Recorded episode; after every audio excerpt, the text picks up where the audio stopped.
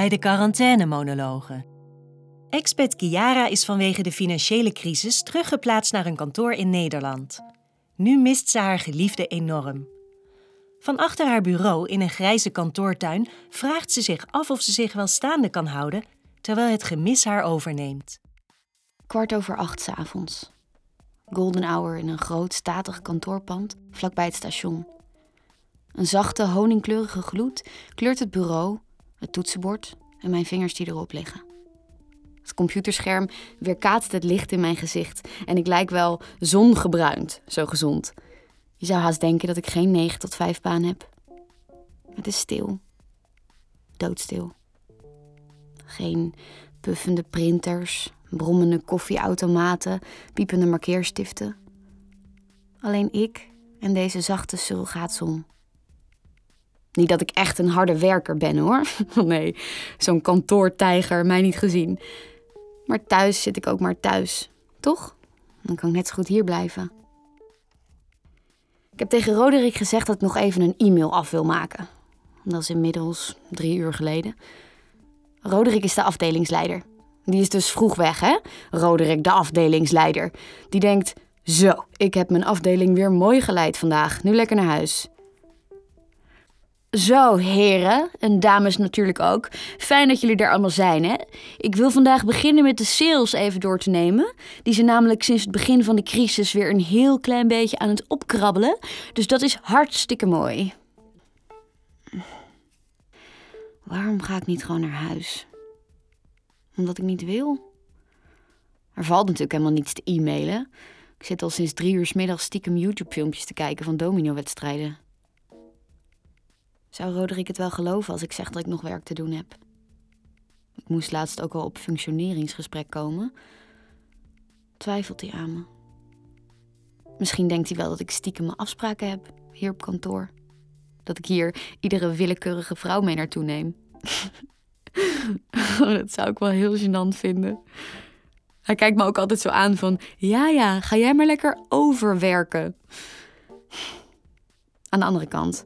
Hij weet toch donders goed dat de vrouw van mijn leven... aan de andere kant van de wereld op mij zit te wachten.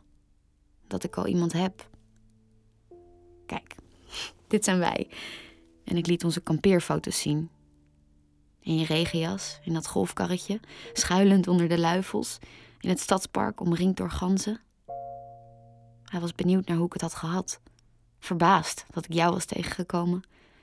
Dus jij, eh, dus jij. eh, ja, ik, eh, ik, eh, ik val op vrouwen. Ja, op deze vrouw. Kijk, hier, in haar regenjas. Zie je die ogen? Dat zijn de ogen van een zachtmoedige herbivoor. Maar ik mag haar niet mijn Bambi-meisje noemen, dat vindt ze verschrikkelijk. Begrijp ik ook wel. Mensen zijn hun ogen. Had ik dat al gezegd? En toch ben ik door Roderick naar deze grijze blokkendoos getransferd. Zo is het nu eenmaal. Kijk, beste Kiara. In crisistijd kan een onderneming als de onze niet te veel risico's nemen. Het is daarom beter als je de komende tijd aan de slag gaat in onze Nederlandse vestiging. En dan een heel verhaal over tijdelijke oplossingen, loonsverhoging, doorgroeimogelijkheden. Ja, ja, dat zal allemaal wel. Hij doet ook zijn best, tuurlijk. Maar ik ken hem langer dan vandaag. Voor je het weet lig je eruit. Nog vijf minuten. Dan daalt de zon achter de vergadertafels en gatenplanten. En is het hier weer hetzelfde mistroostige oord als het altijd is. Dan zal het niet lang meer duren eer het donker wordt. De TL-lichten in het trappenhuis springen om half negen automatisch aan. Daarvoor wil ik buiten zijn. Ik kan niet tegen TL-licht. Het is te hard. Nu is het nog mooi. Grappig hoe het licht een hele stemming kan bepalen, toch? In hard licht zijn we keel en gemeen. TL-buizen halen het slechtste in de mens naar boven, dat denk ik echt. En van zacht avondlicht worden we rustig. Voor heel even heel tevreden. Ik zou zo in een mindfulness reclame kunnen. Hé, hey, lieverd, ik wilde je even zeggen. Ik wilde nog iets vragen over wat je de vorige keer zei. Het is mooi weer in Nederland. Ik mis je. Als de zon hier weg is, ga ik naar huis. Bij de supermarkt op de hoek koop ik een willekeurige magnetronmaaltijd. Een die in de aanbieding is. Om half tien draai ik de sleutel in het slot en open mijn voordeur. Mijn voorgemeubileerde studiootje lijkt me wel iets te willen zeggen als... Sorry dat je hier niet wil zijn. Ik zou eens kaarsen moeten kopen. Een beetje mijn best doen wat van dat kamertje te maken. Kan zomaar dat ik er nog wel even zit. Al hoop ik. Nee, laat ik er maar vanuit gaan dat ik er nog wel even zit. Ik bel haar om tien uur. Stipt. Hé, hey, lieverd. Nog even over de vorige keer dat ik belde. Maak je over mij maar geen zorgen hoor. Als je naar de feiten kijkt, gaat het heel goed. Ik maak lange dagen, altijd maar druk. Zij is dan net wakker. Bij haar is het zes uur ochtends. De slaap hangt nog in haar stem en ze klinkt schoor als ze vraagt hoe het gaat. Ik zeg: Goed, het is fijn om weer in Nederland te zijn. Zij weet meteen dat ik lieg. Ik weet dat ze dat weet aan de lengte van de stilte die ze laat vallen. Ze zucht, lacht. Af en toe hoor ik er een hap van de muesli nemen. Met van die gedroogde stukjes appel. Die vind ik helemaal niet lekker, maar het zijn haar lievelings. Ze zegt dat ik alleen maar hoef te wachten tot de dagen voorbij gaan. Tot de crisis voorbij gaat. En het leuke is dat dagen feitelijk vanzelf voorbij gaan. En dat ik zodra het kan in het eerst het beste vliegtuig kan stappen. Zij kan overal altijd net iets beter mee dealen dan ik. Vindt ze zelf ook. Iedere ochtend trekt ze abrupt de dekens van zich af en zegt: Zo, ik ga uit bed. Zo benadert ze eigenlijk alles. Of ze is in ieder geval nuchterder dan ik. Ik ben misselijk. Nee, dat heeft niets te maken met mijn dieet van magnetronmaaltijden. Het is omdat ik er mis. Echt verschrikkelijk veel. Het vreet me op. En ik begrijp er niets van. Ik snap niet dat ik mijzelf met zoveel moeite uit bed sleep, alleen maar omdat ik ergens niet ben. Niemand die tegen me zegt: Zo, we gaan uit bed. Voorheen was verliefdheid gewoon spannend en cool. En je voelde je anders. Nee, je wist dat je anders was toen je voor het eerst verliefd werd. Die lesbische noemen ze me hier natuurlijk wel eens. Nou, daar mogen ze ook wel die zachtzinnige lesbische van maken. Je weet wel, die lesbische van de vijfde verdieping. Oh, is zij lesbisch? Nou, en ze ziet er nog wel zo leuk uit. Maar haar vriendinnetje, die woont dus heel ver weg in een ander land. Dus die zit ze nu heel erg te missen. Wordt geloof ik helemaal opgevreten door mijn eigen gemis. Totdat ik alleen nog maar een leeg omhulsel ben. Herkenbaar voor de buitenwereld, maar niets meer dan dat. En zelfs dat lege omhulsel heeft heimwee. En niets anders.